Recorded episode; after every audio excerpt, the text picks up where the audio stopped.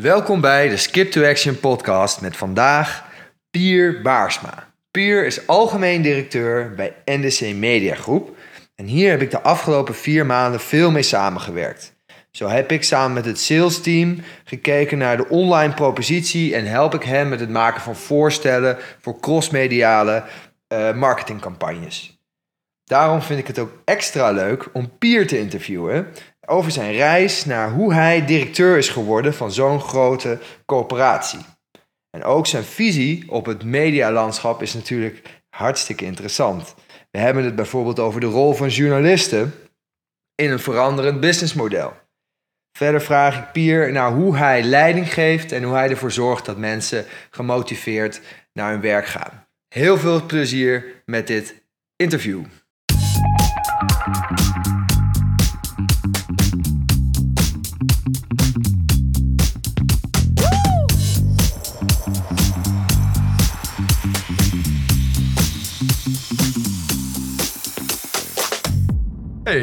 Pier Baarsma. Hallo. Leuk dat, je, leuk dat je er bent. Leuk om hier te zijn, Skip. Dat dacht ik. en uh, wie ben jij, uh, Pier? Zo, om met de deur in huis te vallen. Om met de deur in huis te vallen, ja. Wie ben ik? ja. Dat vind ik wel leuk om te vertellen. Ja, ja wie ben ik? Um, een Friese jongen. Een Friese man? Een Friese man, 52 jaar die uh, geboren is in het mooie Zwaagverstijnen. En terwijl ik dat zeg, mag ik het niet meer zo zeggen, want ik moet het dan op zijn Fries zeggen, de Westerlijn. Oh. En zo kennen ze vaak ook Zwaagverstijnen, als zijnde de Westerijn. En de Reetjes, dat, zijn de, dat heeft, zo heet dan de voetbalclub. Maar daar ben ik geboren en getogen. Ja, een Fries, uh, Fries plaatsje in Noordoost-Friesland. Uh, tussen zeg maar uh, Dokkum en Drachten. En uh, waarom ik dat zo zeg, hè, want dat staat dan bekend als de woordpieken, zoals ze dat hier in Friesland zeggen. Vaak zit ik met de terminologie. terminologie. Nou, maar dit is een hele andere terminologie. Andere terminologie, ja. Maar is wel goed voor jou als jongen uit Apeldoorn. Ja, hè, zeker. Om een beetje die Friese, Friese gewoontes ook uh, eigen te maken. nee, maar daar ben ik dus uh, geboren en getogen. En ja, Zwaarverstijnen, wat ik zeg, de Westereen. dat is eigenlijk een, ik mag het bijna niet zo zeggen maar dat is eigenlijk een heel lelijk dorp. Maar omdat ik daar geboren en getogen ben, is het ook gelijk het meest fantastische dorp.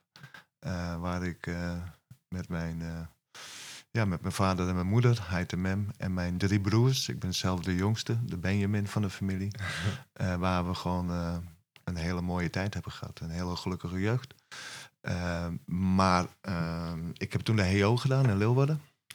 En toen, um, ja, zoals veel hier ook denken die hier worden opgeleid, dan denk je dat het in het Westen of in de rest van de wereld, dat het daar allemaal spannender is. Ja, dat het daar beter is, hè? Dat het daar beter is. Ja. Uh, dus ik ben, ook, ik ben daar ook een exponent van. Oh ja? Dus ik ben toen op mijn uh, ja, 22e ben ik vertrokken naar Amsterdam. Omdat ik toen al een jaar hier in Friesland verkoper was, vertegenwoordiger van een product waarvan je nu zegt, Pier, hoe heb je dat ooit kunnen doen?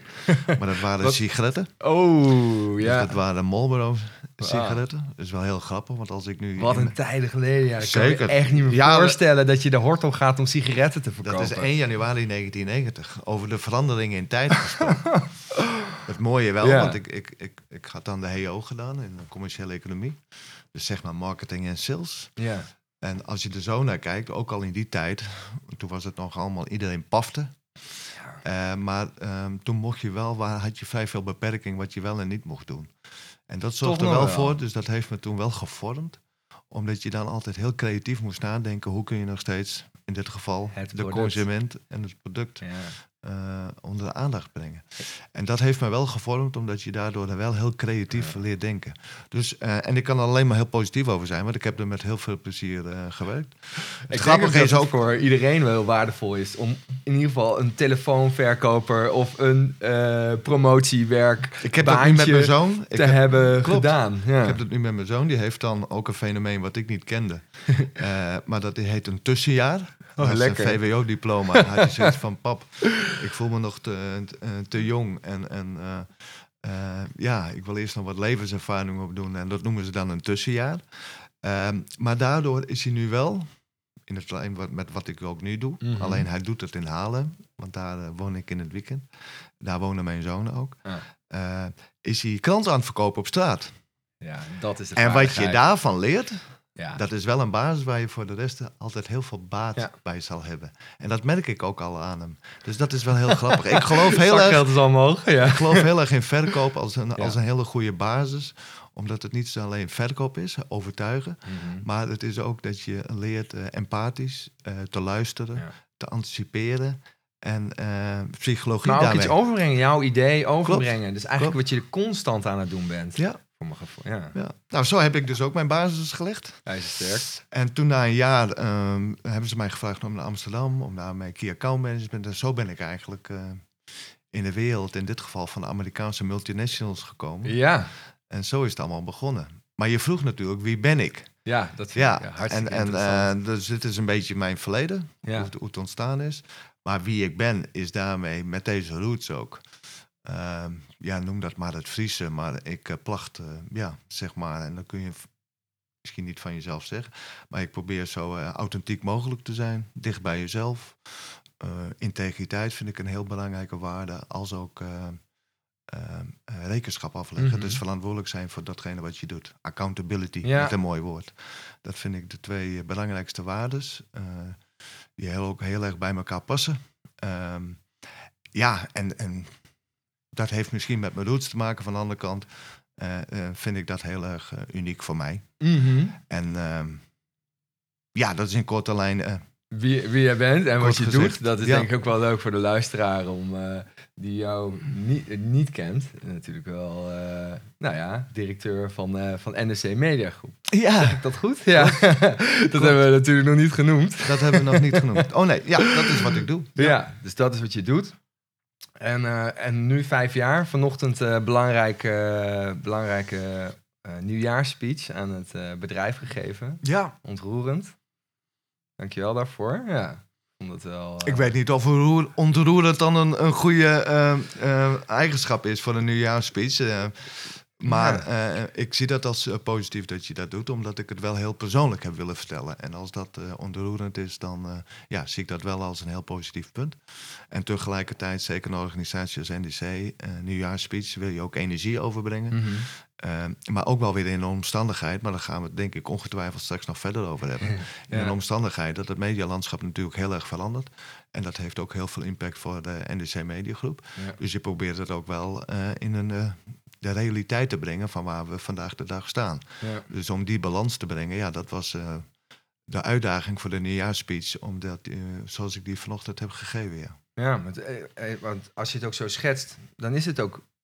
Heb je echt wel een beetje ook wel pech tussen aanhalingstekens gehad, inderdaad. Met de papierprijs, inderdaad, eh, natuurlijk. En nou ja, we noemden nog een aantal dingen waar je eigenlijk geen invloed op hebt.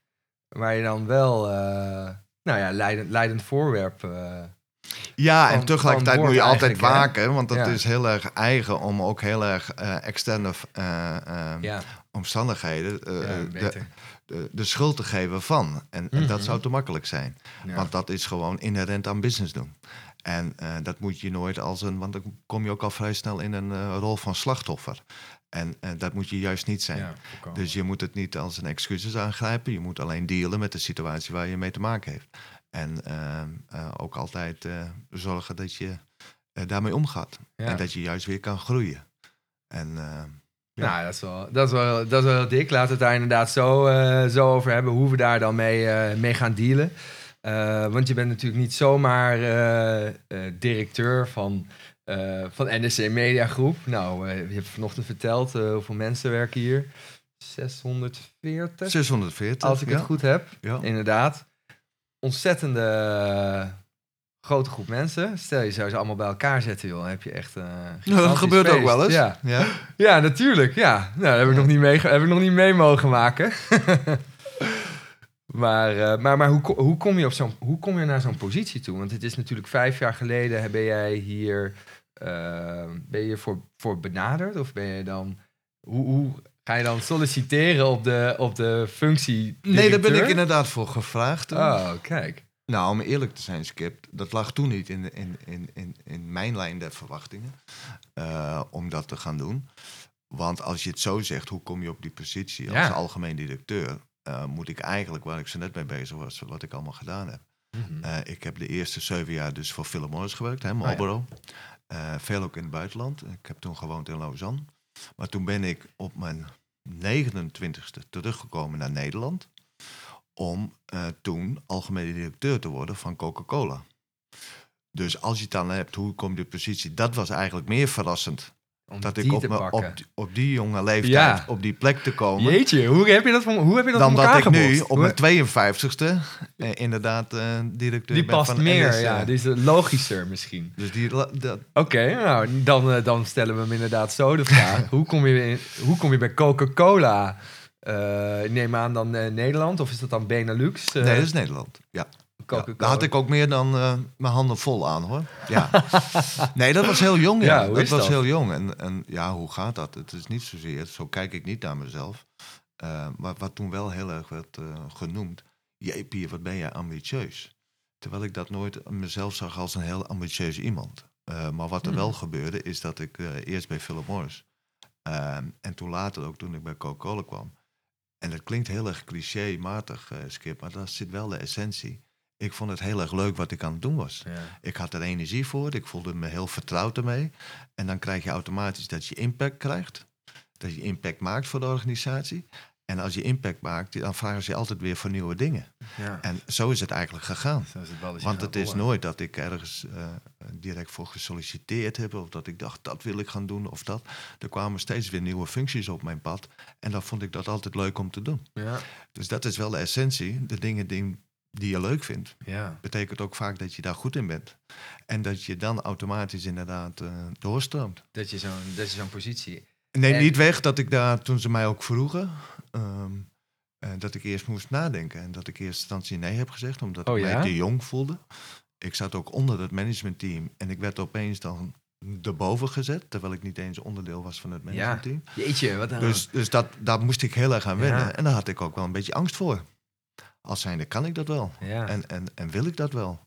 Dus ik heb eerst nee gezegd. En toen weet ik nog goed, dat was in Schiedam. In de molen van Schiedam, dat ik de baas van Europa, die ik niet eens kende, eh, dat toen hij me vroeg. En toen ik zei nee, toen keek hij ook met grote ogen. En toen zei hij, dat meen je niet. You're, you're fucking not serious, right, Pierre? I'm offering, offering you this opportunity. ja. En toen zei ik toch nee, maar toen reed ik ook later. En hij was gelukkig dat hij zei, nou, if you don't want it, that's the reality. But at least think about it 24 hours and come back to me. En toen reed ik naar huis toe en toen dacht ik, ja, maar waarom, Waar ben ik dan bang voor? waar ja. ben ik dan bang voor? En waarom doe ik dit eigenlijk niet? Ja. En eh, die reflectie had ik even nodig. En toen heb ik hem eigenlijk ook diezelfde avond gelijk weer gebeld. Met excuses. En dat ik zei dat ik vanaf morgen graag That's awesome, man. Let's go. Ja. Ja. Amerikaan lijkt me dan ook natuurlijk. Klopt. Heel Amerikaans bedrijf. Klopt. Klopt. Ja, Ja. wat grappig.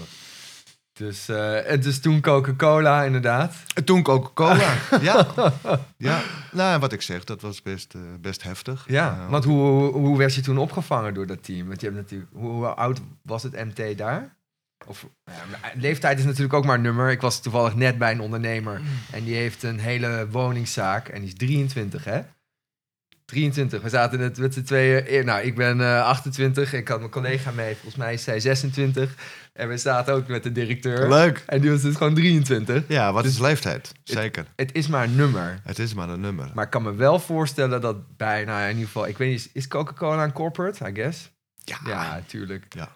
Bij zo'n grote corporate, ehm, dat je daar, dat dat wel eh, ook wat met zich meebrengt. Een Zeker. soort verwachting. Zeker. En een bedrijf natuurlijk die heel erg gedreven is door een bepaalde cultuur. Eh, heel erg performance gedreven. Eh, en een hele mooie cultuur, maar ook tegelijkertijd een hele Amerikaanse cultuur. Zeker als ik dat nu vergelijk met datgene wat ik nu doe, ook, Mhm. maar ook wat er in de wereld gebeurt. Daar is Coca-Cola eigenlijk ook wel een exponent van. Ik weet niet of je dat laatst is, voor, eh, is opgevallen, maar dat stond er ook echt in de krant. Eh, maar toen stond ook heel duidelijk dat alle eh, grote multinationals, met name ook uit Amerika, dat die niet meer primair om shareholders value. Nou, ik kan je zeggen, toen ik daar in 2000 de baas van was. Toen was het alleen maar shareholders value, shareholders value. Ja. En dat juist die bedrijven nu tot inkeer komen en zeggen... de shareholders value is een afgeleide vanwege de sociaal-maatschappelijke impact... die wij willen gaan maken. Nou, dat zijn wel statements. Ja. Eh, om maar aan te geven hoe die wereld aan het veranderen is. Want Gelukkig zeker maar. in die tijd was het echt shareholders value. Eigenlijk van kwartaal tot kwartaal werd je gestuurd. Ja, in targets plaats van halen. targets halen. Ja. In plaats van lange termijn planning. En dan zag je dat ook wel. Eh, en ik was wel een bepaalde naïviteit. Mhm. Dus ik ging daar vol in mee. Ik was er ook goed in, om kwartaal voor kwartaal. Terwijl tegelijkertijd, hoe kwam ik op die positie? Dat had ermee te maken dat er toen een nieuwe CEO kwam. Mhm. En die zei van, ik wil local people. Ja. Omdat je zag dat ec- een Coca-Cola company heel erg gestuurd werd door allerlei expats. Zo heet dat. Ja, wat is een expert precies? Een expat is een expatriate, dus eh, eh, letterlijk. Hè? Eh, zoals ik bij Philip Morris werkte. Ik was een Nederlander, maar ik werd gestationeerd in Lausanne, Zwitserland. Ja. Dan word je een Heel expatriate omdat je als Ja. Nederlander in Zwitserland werkt. Nou, dat is letterlijk Oh ja, Een expat. Ja, dus die komen het hier ook verkopen. Dat zijn dan ook allemaal pakketten die je krijgt, hè? de expats. Nou, en dat was ook bij Coca-Cola zo. Dus je zag altijd dat daar internationale mensen, dat was ook toen in Nederland het geval, dat was een Brit die al drie jaar lang Coca-Cola Nederland leidde. Maar vaak bij expats is het ook, in de Amerikaanse termen, wherever you lay your head, that's your home. Dus dan ga je vaak ook in een cyclus van drie jaar, ga je land voor land, ga je daarmee sturen. Jeetje. Het voordeel wat dat voor het systeem was, is dat mensen heel erg target gedreven was. Ja. Het nadeel echter is dat je niet de lange termijn in een land daarmee voor Ja, ogen houdt. Maar misschien is dat ook op, voor zo'n positie juist wel voor het bedrijf wel goed dat je niet daar echt je kan, goed kan settelen en dan alweer verder moet. Klopt. Omdat dus je voor die- de financiële Ja. cijfers is dat vaak een hele goede impuls. Want een expert die drie jaar ergens zit, zorgt er altijd voor dat hij Ja. elk jaar zijn cijfers haalt. Ja, Echter, op lange termijn moet je afvragen, en dat was deze nieuwe CEO ook, die zei van ja, je moet uiteindelijk, zeker een merk als Coca-Cola, wel connecten, in dit geval met de Nederlander en Ja. de Nederlandse cultuur. ja. En op het moment dat je dan steeds een CEO hebt die daar drie jaar maar zit, weer verder gaat. Ja. dan wordt er weinig gebouwd. Ja. Nou, dat zag je ook. Ook in een land als Nederland in die tijd. Dan zeg je bijvoorbeeld dat de consument al een tijdje aan ons aangaf: suikerwater met bubbeltjes. Die jongeren willen dat al niet meer. Ja. En wat deden wij? Omdat 1% groei in, in- op het merk Coca-Cola was veel interessanter qua directe financiële Mhm. impact dan alle investeringen die je mogelijkerwijs zou doen aan water en, en de vitamin waters, wat toen allemaal al opkwam. Ja. Maar dat paste natuurlijk niet. Dat is lange termijn investeren. ja. Jeetje. En dat soort spanningen zag je dan wel in zo'n Coca-Cola systeem. Eh, en daarom dat toen die CEO zei van ik wil graag local people hebben, omdat we anders op lange termijn een issue krijgen. En dat was de reden dat ze toen keken, maar welke Nederlander zit daar dan? en zo is het eigenlijk gekomen. Dus je moet af en toe, ja, zeg maar geluk hebben. En op de juiste moment, op de ja, juiste plaats, dat dat ook heel belangrijk is. moet je dan... eh, en zo is het gekomen. Maar je moet het natuurlijk zelf creëren, maar eh, soms is... Ja, eh, maar je moet ook een beetje geluk hebben. Ja, goed geluk is wel belangrijk, Ja. hè? Ja. En, ehm, want toevallig, eh, je triggert me. Ik was laatst bij eh, Meulen Baarsma, een eh, lokale winkel hier Ja. in... Ja, ken ik.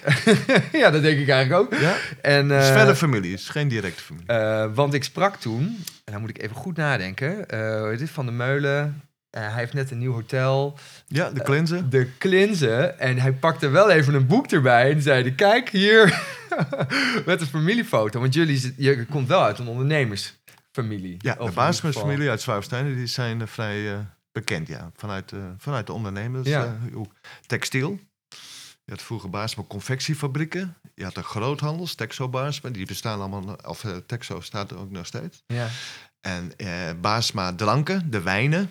ja En heb ik een heel en nog steeds bedrijf. toch 80% marktaandeel of zo. Zeker. Ongelooflijk, Zeker. jongen. Ja, ja, Heel sterk dat ze dat nog hebben kunnen, kunnen behouden. ja. En dan had je Melle Baarsma, die zat in de tapijten. Dus eh, ja, en dat is allemaal van, van oudsher, omdat onze pakers en oerpakers, Ja. grootvader en overgrootvader, die gingen dan letterlijk met de bakfiets Dat heet dan op zijn Fries die gingen letterlijk met de bakfiets, met de textiel, gingen ze bij de boerderijen langs, De hoort op. de Ja. hort op, om zo te verkopen. ja. En dat, eh, dat heeft dat allemaal... eh, Dat is wel, het, is wel, het is heel mooi wat je zegt. Het resoneert ook wel eh, bij mij. Dit zou je denk ik ook wel een leuk verhaal vinden. Want mijn familie, de Van der Landes, hebben... ik heb ook zo'n dik Van der Landenboek thuis liggen. Dat kunnen mensen niet zien, maar nou, erg dik. En wij hebben het witbrood eigenlijk bedacht. Oké. We hadden ook het patent daarop en dat hebben we ook verkocht aan Amerika.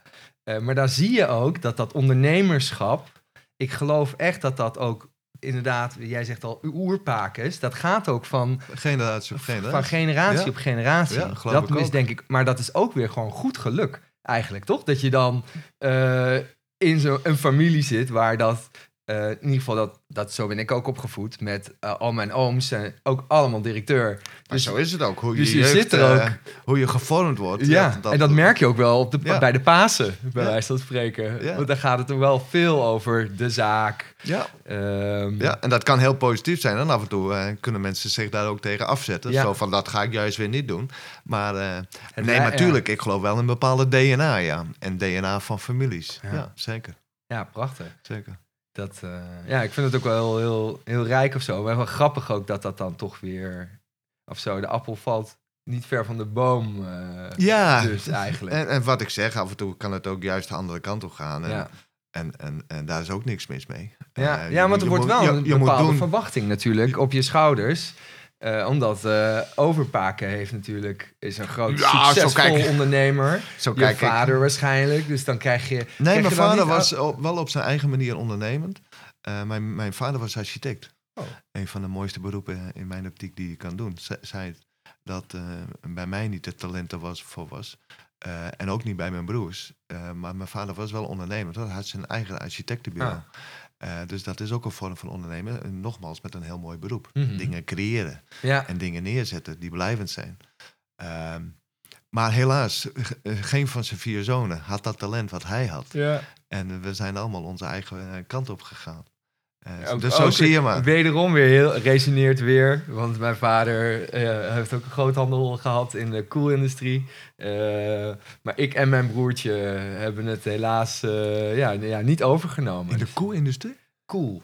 Cool, oké, ja, sorry. Dus compressors, koelgas, allemaal van dat soort zaken. Maar nou, hij heeft dat eh, verkocht, inderdaad. Eh, ik dacht even dat je wilde zeggen van de landen van de merchandising. Zo ken ik ze. Oh, dat, zijn die- allemaal hostesses eh, die in, bij met name in retail. daar werkte ik vroeger altijd mee samen. Van de landen merchandising. Oh, echt? Ja, Oh, maar dat... Nee, nee, het is van, ja, van de landen Nouri. En het heet, en dat is doorgeëvalueerd naar Axo Nobel. Oké. Eh, Ja. Maar helaas, eh, ja, dat is dus door de. ehm, ze hebben vroeger op een gegeven moment na de Tweede Wereldoorlog. Ze is heel erg naar pesti- pesticiden gegaan en plastics. En op een gegeven moment is dat helemaal doorontwikkeld. En. ehm, maar toen is eigenlijk de komst van China is een beetje. eh, is ook een, eh, nou, ook een nadelig iets geweest voor Axo. Dus. Die hebben ook twee jaar geleden best wel. Ja, ook een stuk af moeten, af moeten staan, helaas. Volgens mij hebben ze nu nog een laboratorium staan. Maar het, is dus, het staat wel ver van me af, maar dat is wel, wel leuk, Tuurlijk. toch? Historie hè? is Eh, eh, mooi. Ja, vind ik ook, Historie, inderdaad. Het is ook een, eh, ja. ja, mooi. En heb je ook een mooie stamboom dan? Ook van de familie? Daar heeft mijn vader zich ook. Dat zie je vaak dat hoe ouder mensen worden, hoe meer ze zich dan ook verdiepen in, Ja. in, in de roots en in de stambomen. Mhm. En mijn vader weet er alles van. Hij is helaas vorig jaar overleden. Oh, Maar, eh, eh, maar die was er volop mee bezig. En daardoor hebben we wel een aardig beeld van, eh, van de Baarsma-familie ja, en de vele aftakkingen. ja. Ehm, en, en dus zodoende weet ik ook, dat ligt ook wel voor de hand, maar dat de, de naam Baarsma komt ook, en daar ligt onze oorsprong, in het kleine plaatsje Beers in Oh. Friesland. Ja. Wauw, dat is echt... Dus Baarsma komt, van, komt van, van Beers, het plaatsje Beers. Ja, zo is de naam. Prachtig, ja. Ja, ik vind het altijd wel heel interessant, intrigerend. eh, Wel heel tof. En het mooie is ook als je deze naam, achternaam hebt, want die hoor je niet zoveel, dat je ook weet, alle Baarsma's zijn wel familie van elkaar. En zo heb je bijvoorbeeld Barbara Baarsma bij de Wereld Draait Door. Ja, En dan eh, Natuurlijk. zeggen ze ook altijd, Pier, eh, is dat... Nou, ik zei, dat- het is wel familie, maar wel heel ver. Maar zo weet je wel dat er altijd een link ligt. Ja. Ja. Nou, dat, dat, nou, dat is wel mooi. Ja. Ja. ja, je hebt dat, met Van der Landen heb je dat volgens mij ook wel. Je hebt natuurlijk een heel, ja, je hebt nog een soort transportbedrijf. Maar dan heb ik eigenlijk... Die, Een heel grote... eh, Ja, een hele grote speler. Zeker. Maar daar, dat is een beetje een soort grijs gebied eh voor me. Nee, die doen heel eh, veel... eh, weet je dat? Ja, nee, le- leg maar even uit. Ja, nee, wel- die doen eh, heel veel logistieke banden. ja, dus alles wat ook, je op, op airport ziet, ja. maar ook met name in de logistieke wereld van de levensmiddelen, hè, al die, Mhm. die loopbanden, dat zijn allemaal van de landen. Ja. Nou ja, dat is... Oké. Nou, genoeg over familie. maar ik vind het wel... heel ja, mooi ik- bedrijf. ja. Heel mooi bedrijf. Ja, nee, nee, ik, mijn nichtje die werkt er, eh, die werkt er ook. Dus dat is wel, eh, dat is wel grappig. Ehm, maar dus nu eh, vijf jaar NRC Media Groep. Ehm, wat natuurlijk wel een hele coole, ook wel een vette historie. Je vertelde dat ook vanochtend. 1752, 52. dankjewel. Ontstaan. Leeuwarden Krant. ja. Ja. daar is het begonnen. Daarmee zijn we de ene oudste krant van Nederland. ja. En wie denk je, wat, wie is de oudste krant van Nederland? Je kan het enigszins Als ik heel Zelf veel kranten bedenken. heb gelezen... Ja, ik denk dan de... Nou, eh, Telegraaf ontstaan, wat ze dan zo? zeggen van de boeddhakunst, dat is hè, meneer Laurens Jan Koster. Oh, kijk. Eh, en eh, die komt uit Haarlem. En Haarlems Dagblad is de oudste krant van Nederland. Jeetje. Ja. Ja. En dan komt de Leeuwarden Courant. Heel uniek. Ja, toch? Dat Ja. is ook eigenlijk weer zo'n rijke historie. Ja, want hoeveel... eh, dat zijn dus ook zeker wel drie generaties. Zijn er ook mensen geweest die ook al drie generaties in, bij NDC hebben gewerkt? Ja, Zo. Ja. Dat is ook wel bijzonder. er zijn heel veel eh, generaties die hier werkzaam zijn. Nou, wat cool. Ehm, en nu natuurlijk de krant. Eh, dat is wel een heel interessant. eh, en ik heb er ook de afgelopen tijd ook heel veel over nagedacht. eh, omdat ik hier, ik draai nu drie maanden mee. Dus in het bedrijf, dus dan ga je er automatisch veel Ja. over nadenken. Ehm, over, de, over de krant en, en, de, en de rol van de krant. ehm, is natuurlijk heel belangrijk. Ja, essentieel. Wat, wat we ook doen is natuurlijk onafhankelijk nieuws brengen. Denk je dat, denk je dat de krant over eh, vijf of tien jaar, nou laten we zeggen eh, tien jaar, denk je dat de krant dan nog eh, papier gedrukt zal zijn? Weet ik niet. Denk het overigens wel. Denk Maar wel, dat doet er uiteindelijk ook niet zoveel toe. Want je moet je ook afvragen of je inderdaad een krantenuitgeverij bent. Eh, ook vanaf 1752. Ehm, omdat eigenlijk, en zo probeer je ook dicht bij je DNA eh, te blijven, eh, wij eigenlijk, hè, want een krant is een communicatiemiddel, Mhm. een communicatiekanaal. Maar het gaat uiteindelijk om je product. En je product is het verhaal. Ja. Wij zijn eigenlijk vanaf 1752 verhalen aan het vertellen. Dat zijn onze journalisten. Die komen dan in de krant. Mhm. Nou, en daarvan weten we, kijk naar onze omgeving, dat eh, die verhalen, die worden nu op allerlei manieren, zoals wij hier nu met z'n tweeën zitten, Ja. via een podcast. Ja. Of dat het nou via een event is, of dat het nou op een digitaal scherm is. Het zijn allemaal verhalen. En het is juist in deze tijd heel erg belangrijk dat die verhalen nog steeds op de betrouwbaarheid, zeker in Ja. deze wereld, dat iedereen zijn eigen verhaal kan creëren, dat je juist daar bakens hebt die je kan vertrouwen, die betrouwbaar zijn Ja. Dan wordt de historie opeens een voordeel van je, omdat je weet hoe je die betrouwbaarheid, want die heb je hier in Noord-Nederland, heb je die gevormd. Dus dan is het juist weer een heel positief iets. Maar op het moment dat je jezelf beperkt tot het Mhm. communicatiekanaal en jezelf Ja. ziet als een krantenuitgeverij, ja, dan ga je het de komende jaren heel lastig krijgen. En dan kom je op een gegeven moment op het punt, hè, want dat heeft dan met de afweging te maken, hoeveel kranten kun je nog drukken en kunnen ze bezorgen, et cetera. Dan ben je voor dat soort dingen afhankelijk. Ja. Dat mag nooit het uitgangspunt Het zijn van de NRC maar- Mediagroep. Dus dat is wat wij dan noemen de transformatie. Maar altijd wel, en dat is wel essentieel, je Mhm. niet zien als een krantenuitgeverij, maar als de verhalenvertellers vanuit de betrouwbaarheid en daarmee de kwaliteit en integriteit van het verhaal. Ja. En daar is altijd ruimte voor.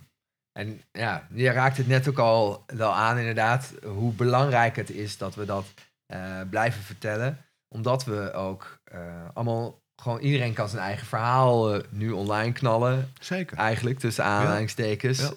Eh, in essentie doe ik dat ook. Daar ik zo over nadenk. Ja. Als ik hem heel... En daar is als- ook niks Als ik hem plat sla. Maar dat is natuurlijk ook wel ehm, het grote gevaar. Dus dat ehm, zeker met nou ja, een Google en een Facebook... ehm, de positie die zij nu vergaren zo groot wordt dat, eh, dat, we, dat, dat we daar eigenlijk geen invloed meer op hebben. En dat die op een gegeven moment ook ehm, gaan omdraaien. Of bijvoorbeeld een beetje zoals ehm, eh, Uber of ehm, Klopt. thuisbezorgd.nl opeens eh, het hele model omgooien en dat we opeens leidend voorwerp worden. Hoe, hoe denk je dat het in de toekomst uit gaat zien? Met, met in ieder geval die Big Five heb je natuurlijk, maar in, in, in onze branche zijn het Google en Facebook absolute grootmachten. Hoe gaan we ervoor zorgen dat we hun niet alle macht geven? Ja, ehm, ja eh, wie ben ik om dat op die manier zo te challengen? Ja. Van de andere kant is het zo, alle macht geven. Kijk, eh, je moet ook niet tegen de stroom in aan het doen. Eh, wat je vaak ziet, dat zijn we moeten vechten tegen Google of Facebook. Mhm. Zo zie ik het helemaal niet. Nee. Eh, je moet daarin meegaan en je moet daar je eigen identiteit eh, eh, in- maken. En juist wat ik zo net zei, kwaliteitsbaken zijn vanuit de merken die we zijn, et cetera. En daar is heel veel behoefte aan. En uiteindelijk heeft Google en Facebook daar ook heel veel behoefte aan. Dat er ook dat soort partijen, dat je die pluriformiteit, maar daarmee ook dat je die kwaliteitsbakens altijd houdt. Dus ik, vind, ik zie dat eerlijk wel eh, hand in hand gaan. Ja? En ik zie dat niet als alleen maar als de vijand. En dan moet Nee, je ook als een bedreiging. Ja. Maar ik kan me wel... Ja. Ja, ik kan me En wel ik denk uiteindelijk dat, ook, maar dat zie je ook bij, bij, bij de Googles en de Mhm. Facebooks, dat ze zich ook wel heel erg daar bewust van eh, aan het worden zijn. En dat is ook wat ik in de beperktheid, of hè, in, de, in, de, in de omvang en, de, en het bedrijf wat wij zijn. ehm, ehm, maar zie je wel ehm, dat de euro in dit geval Mhm. niet leidend mag zijn. Wat we zo Ja. net ook zeiden over Coca-Cola. Het gaat uiteindelijk om sociale maatschappelijke impact. En ik vind het daarmee ook te makkelijk gaan als zijn de macht van Google en Facebook. Het zijn uiteindelijk de consumenten die dat bepalen. Ja, En op het moment dat zij op een gegeven moment, omdat zij onverantwoordelijk bezig zijn of dat ze misbruik Mhm. maken van hun positie, dan is het ook dat ze de rug kunnen worden eh, toegekeerd. Dus het is altijd aan de consument zelf om te bepalen waar ligt de macht. Ja, En zo is het uiteindelijk wel. ja. En eh, dat is wat ik bedoel. Je kan dat allemaal wel tegen vechten, et cetera, tegen de Google en de Facebook. ja, maar ik kan me maar ze worden gevormd door, de, consument, mensen- omdat ja. die daar gebruik van maken. Ja, En tegelijkertijd zullen zij hun verantwoordelijkheid moeten nemen. Ja. Want als ze daar nogmaals misbruik van maken. Mhm. nou, er zijn ook in Nederland wel voorbeelden van dat dat heel snel kan gaan. Kijk maar naar huis. Ja, Op het moment dat mensen zich daar niet meer in herkennen, dan kan dat ook heel snel over zijn. Ja. ja, dat was heel snel klaar. Ja. ja. Nou, je ziet het natuurlijk ook. Hè. Ik ben natuurlijk heel veel bezig met, eh, met Google en Facebook. En je ziet ook wel ook in alle updates die Google heeft doorgevoerd voor het algoritme. Klopt. Dat alles is geforceerd op eh, niet meer op keywords of losse technische trucjes. Maar het gaat echt over waarde leveren. Waarde leveren voor de gebruiker. Waarde leveren in een artikel. Blijven mensen ook lang genoeg hangen? Eh, is het wat mensen zochten? Dus ik denk juist dat zij heel erg actief ook de kwaliteitsjournalist zullen gaan opzoeken. Ehm, het enige is dat ze daar nog heel erg vaak dan ook uit de macht, dat ze daar niet rekening houden dat ook kwaliteitsjournalistiek een prijs heeft. En dan moet je ook bereid zijn voor als organisatie om daarvoor te betalen. Ja. Eh, en daar wordt vaak te weinig naar gekeken. Ehm, vanuit hun optiek. Ja. En dan, want er moet ook een businessmodel aan de grondslag liggen die daar ook voor, voor beide partijen werkt. En eh, wat Ja, ik voor zeg, kwaliteit moet ook gewoon. kwaliteit heeft een worden. prijs. Ja. Ja. Ja. Ja, want dat is natuurlijk ook weer de volgende. wie- ehm, we hebben natuurlijk ook, in ieder geval, ik ben opgegroeid in een generatie waar. ehm, voor mij is natuurlijk ook. Het internet is gratis. Natuurlijk vroeger eh, superveel downloaden. eh, zo, zo ben ik opgegroeid. En eh, ook niet met, met, een, met een krant in de hand. Dat is eigenlijk ook wel, wel een ding. Dus dat maakt ook wel dat het verdienmodel is ook wel een, een, een lastige case. In ieder geval, je ziet het natuurlijk een heel innovatieve groep die het ze per, per artikel betalen. Ik ben even hun naam kwijt. Eh, Ja, Blendel. Blendel, ja. Ja. Die heeft natuurlijk ook wel Correspondent. ja, unieke. Dus er zijn wel nieuwe verdienmodellen in, eh, in de weer. Maar ik heb wel het gevoel dat mensen tegenwoordig steeds meer beseffen dat, eh, dat waarde gewoon, of ja, dat de kwaliteit. Ja, en vaak wordt het altijd geassocieerd met de media, maar dat geldt in feite voor alle industrieën en alle segmenten. Eh, dat je altijd de juiste eh, balans moet hebben eh, en, en dat de optimum moet worden gevonden. Wat zijn mensen bereid om voor te betalen? En, en, en, en dat is altijd voor kwaliteit. Wat ik bedoel te zeggen is, kijk naar de banken. Er komen allemaal Ja. nieuwe banken. Die hebben niet de overhead van de banken. Die kunnen het daarmee goedkoper aanbieden. Dus dat is in alle industrieën Ja. vormt dat zich. Nou, dat heb je ook in de media. Maar uiteindelijk zie je daar dat het meer het optimum aan het vinden is, omdat consumenten ook ervaren. Ik wil inderdaad weten dat het een betrouwbare bron is. Ik wil dat verhalen geduid worden. Wat gebeurt er nu? En ik ben bereid om daarvoor te betalen. En tegelijkertijd het losse nieuws. Wat ik dan het losse Mhm. nieuws noem, wat er dagelijks gebeurt. Ja, dat is inderdaad vrij generiek. Maar dat vind je wel heel erg belangrijk. En daar wordt over het algemeen niet voor betaald, omdat men dat logisch vindt dat dat gewoon tot zich komt. ja. Nou, en zo vormt dat zich allemaal. En is het aan elke, in dit geval uitgeverij, om te zoeken wat is de rol en wat is de positie en hoe plaats ik mijzelf daarin. Ja. En ehm, zeker als je kijkt, want je vroeg ze net naar het medialandschap. Ja, zie ik eerlijk gezegd. ehm, met name dat de lokale en regionale uitgeverij die wij zijn, Mhm.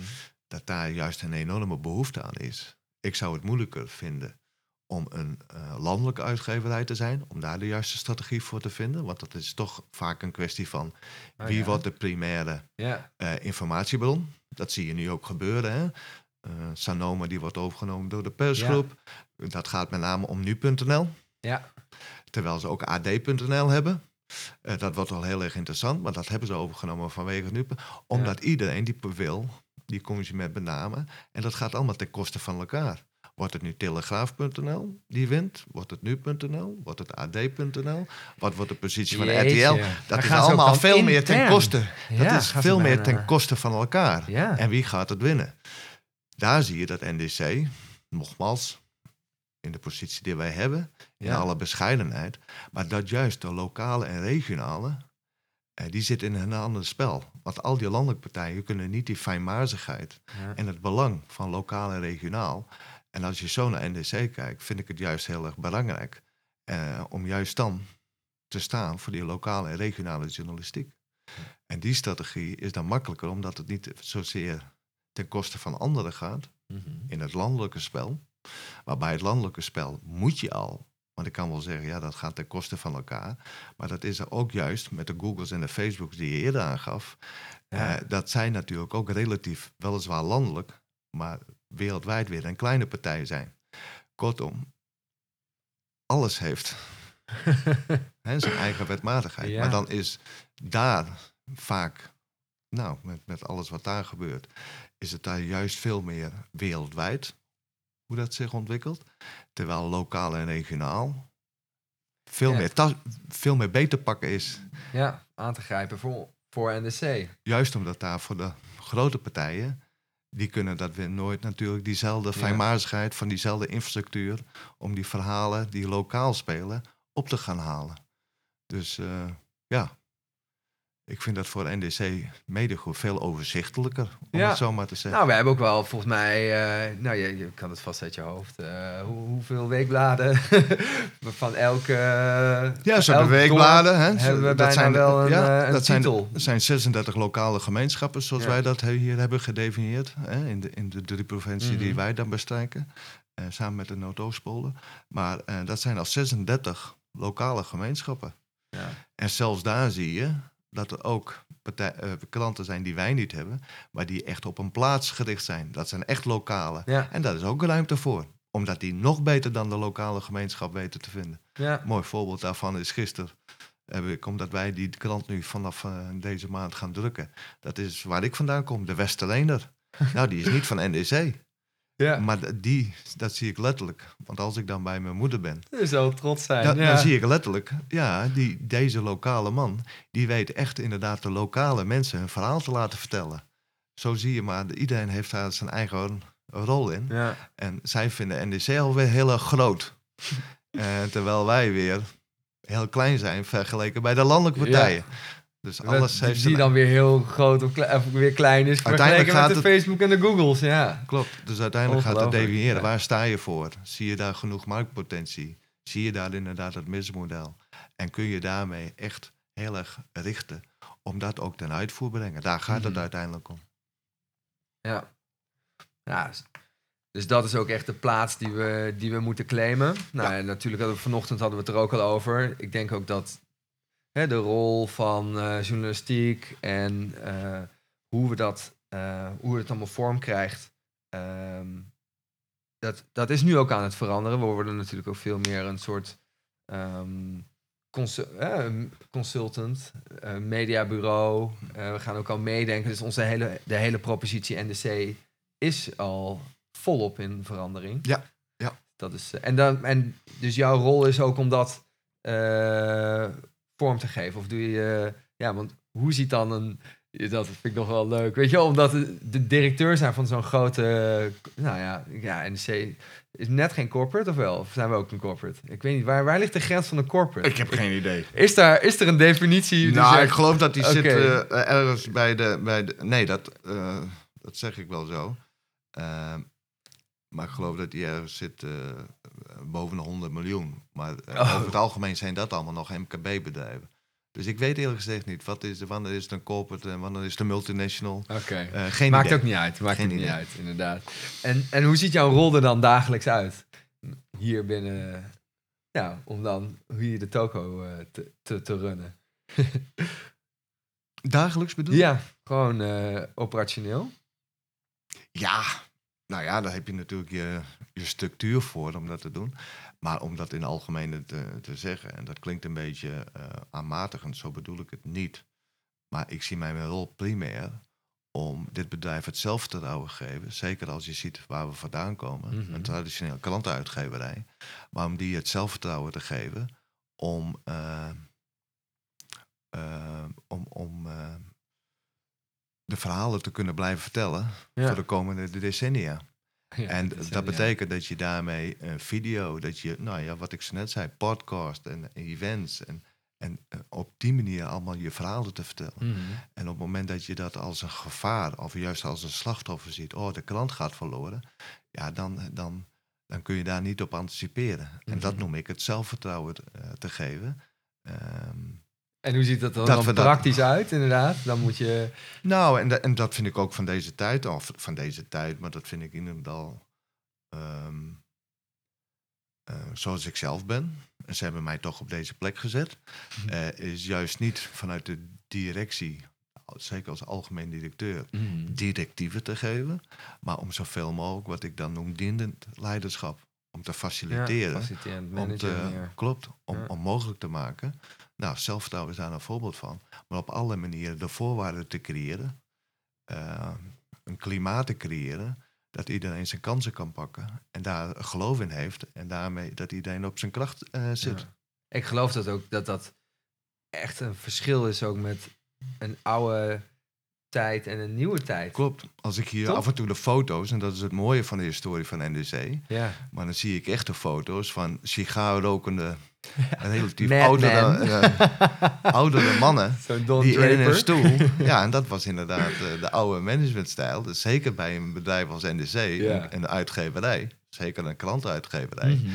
daar waren inderdaad, eh, ja, dus sigaarrokende. Oh, ja, mooi. Ja. Mooi dat je dan ook weer uit de tabaksindustrie komt. Dus je hebt er wel veel ervaring Ja. in.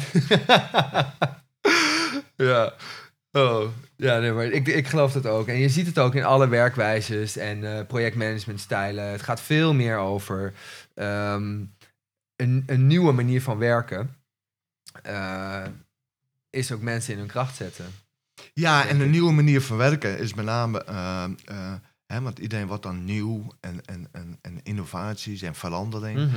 Eh, terwijl het inderdaad organisch meegaan hoe de samenleving zich ontwikkelt.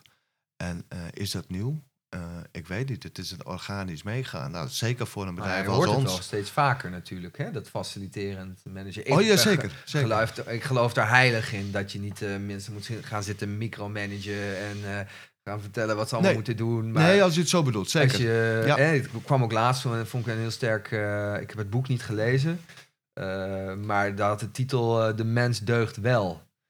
Dat vond ik zo'n sterke, sterke titel. En dat ging er dus ook over dat wij mensen, eh, dat eigenlijk grote, eh, ook, ook de overheid bijvoorbeeld, die gaat er al van uit. We moeten dranghekken maken, dit is de gang, er gaat een escalatie komen, dus daar moeten we op voorbereid zijn. Dus die gaat er al van uit dat eigenlijk de mensen dan eh, niet deugen. Tussen aanstekens. En het boek ging er dus over van, nou, stel je zou dus mensen het vertrouwen geven van hè, de, de mens deugt wel.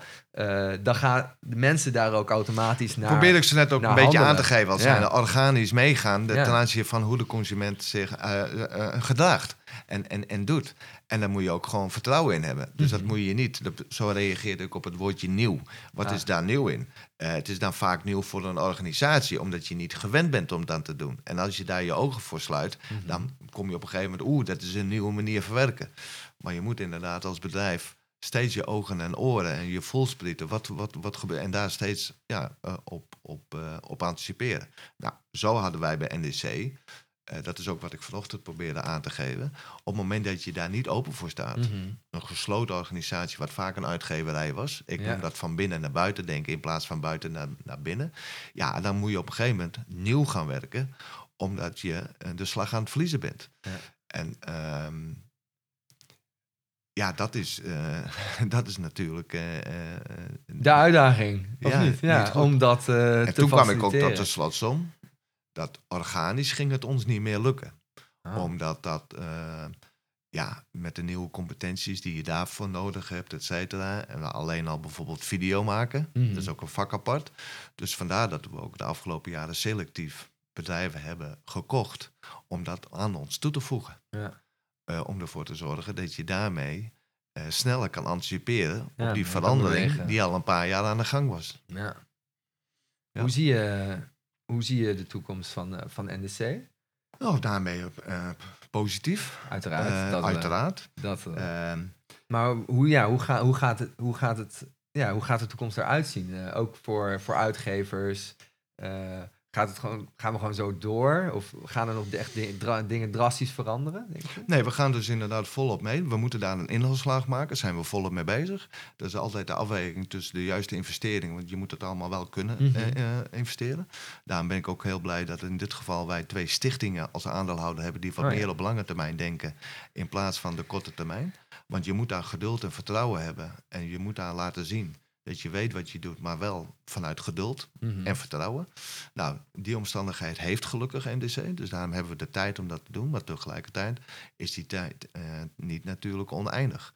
En moet je op een gegeven moment ook naar jezelf toe. En dat is de verantwoordelijkheid van mij, maar zeker ook van al onze mensen, om aan te tonen dat we wel degelijk geld kunnen maken eh, ten aanzien van de strategie zoals we die voeren. Die strategie is wel dusdanig omschreven dat je dus niet jezelf beperkt. Zelfs als media-uitgeverij, Mhm. maar dat je juist zegt op basis van de kracht, en dat is de verhalen die wij vertellen, in de brede zin des woords. Maar dat je dus wel zegt, onze missie is hier nu het verhogen van de kwaliteit van wonen, werken in het mooie Noord-Nederland.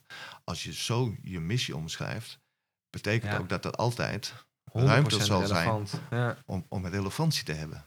Je moet alleen zorgen dat je dat ook in financieel, zonder dat de euro daar bepalend is, maar dat het wel een financieel sterke basis heeft om ook de continuïteit van onderneming daarin te kunnen garanderen. Ja. Ja, en dat is een, uiteindelijk- eh, Coca-Cola worden van... Nee. eh, Klopt. en dat is uiteindelijk de sociaal-maatschappelijke rol ja. en daarmee impact die je weet te maken van dit mooie Noord-Nederland. En natuurlijk kun je dan ook nog afvragen, is er wel een Noord-Nederland, de Noorderling? ja. En tegelijkertijd zie je ook...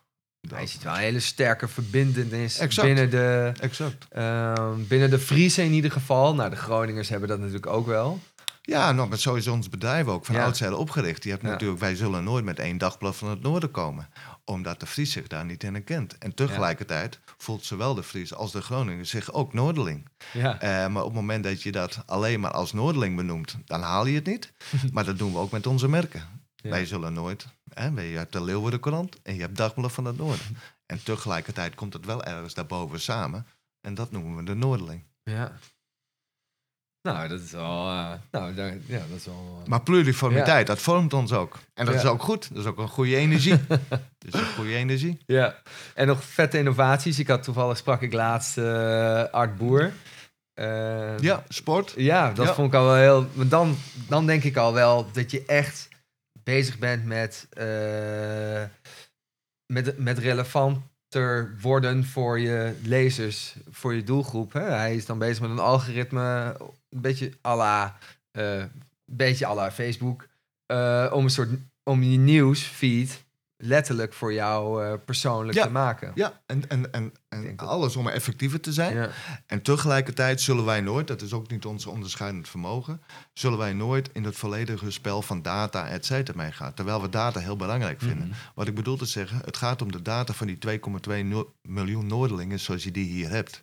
En dat is ons werkgebied. Dus ik hoef ook niet algoritmen dat we alles van de wereld weten, want er zijn andere partijen die zijn er veel beter in. Mhm. Zolang we maar wel alles weten, wat vindt die 2,2 miljoen Noorderlingen belangrijk? Ja. Wat vinden ze relevant, zodat we daarop kunnen anticiperen. En zo moet je dat algoritme ook voor je laten werken.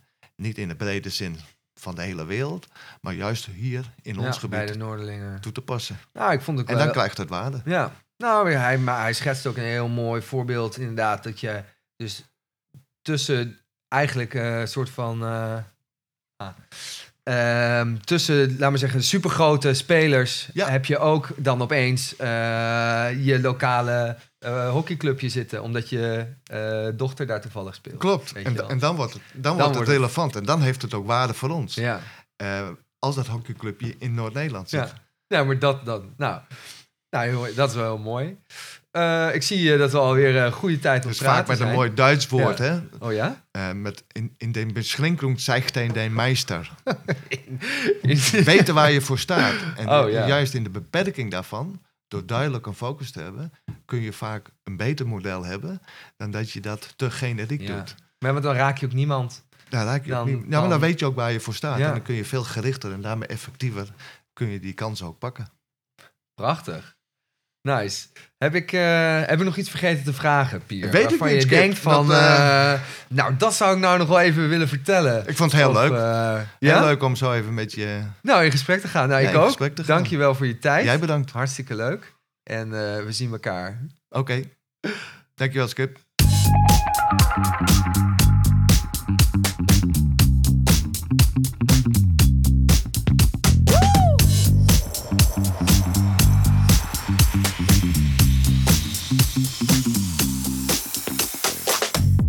Super tof dat je hebt geluisterd naar de Skip to Action podcast. Ik hoop dat je er inzicht uit hebt kunnen halen. Vond je het nu een waardevolle podcast? Dan zou ik het ontzettend waarderen als je dat zou willen delen. Dit kan je bijvoorbeeld doen door je social media kanaal in te zetten, een screenshot te maken en mij te taggen.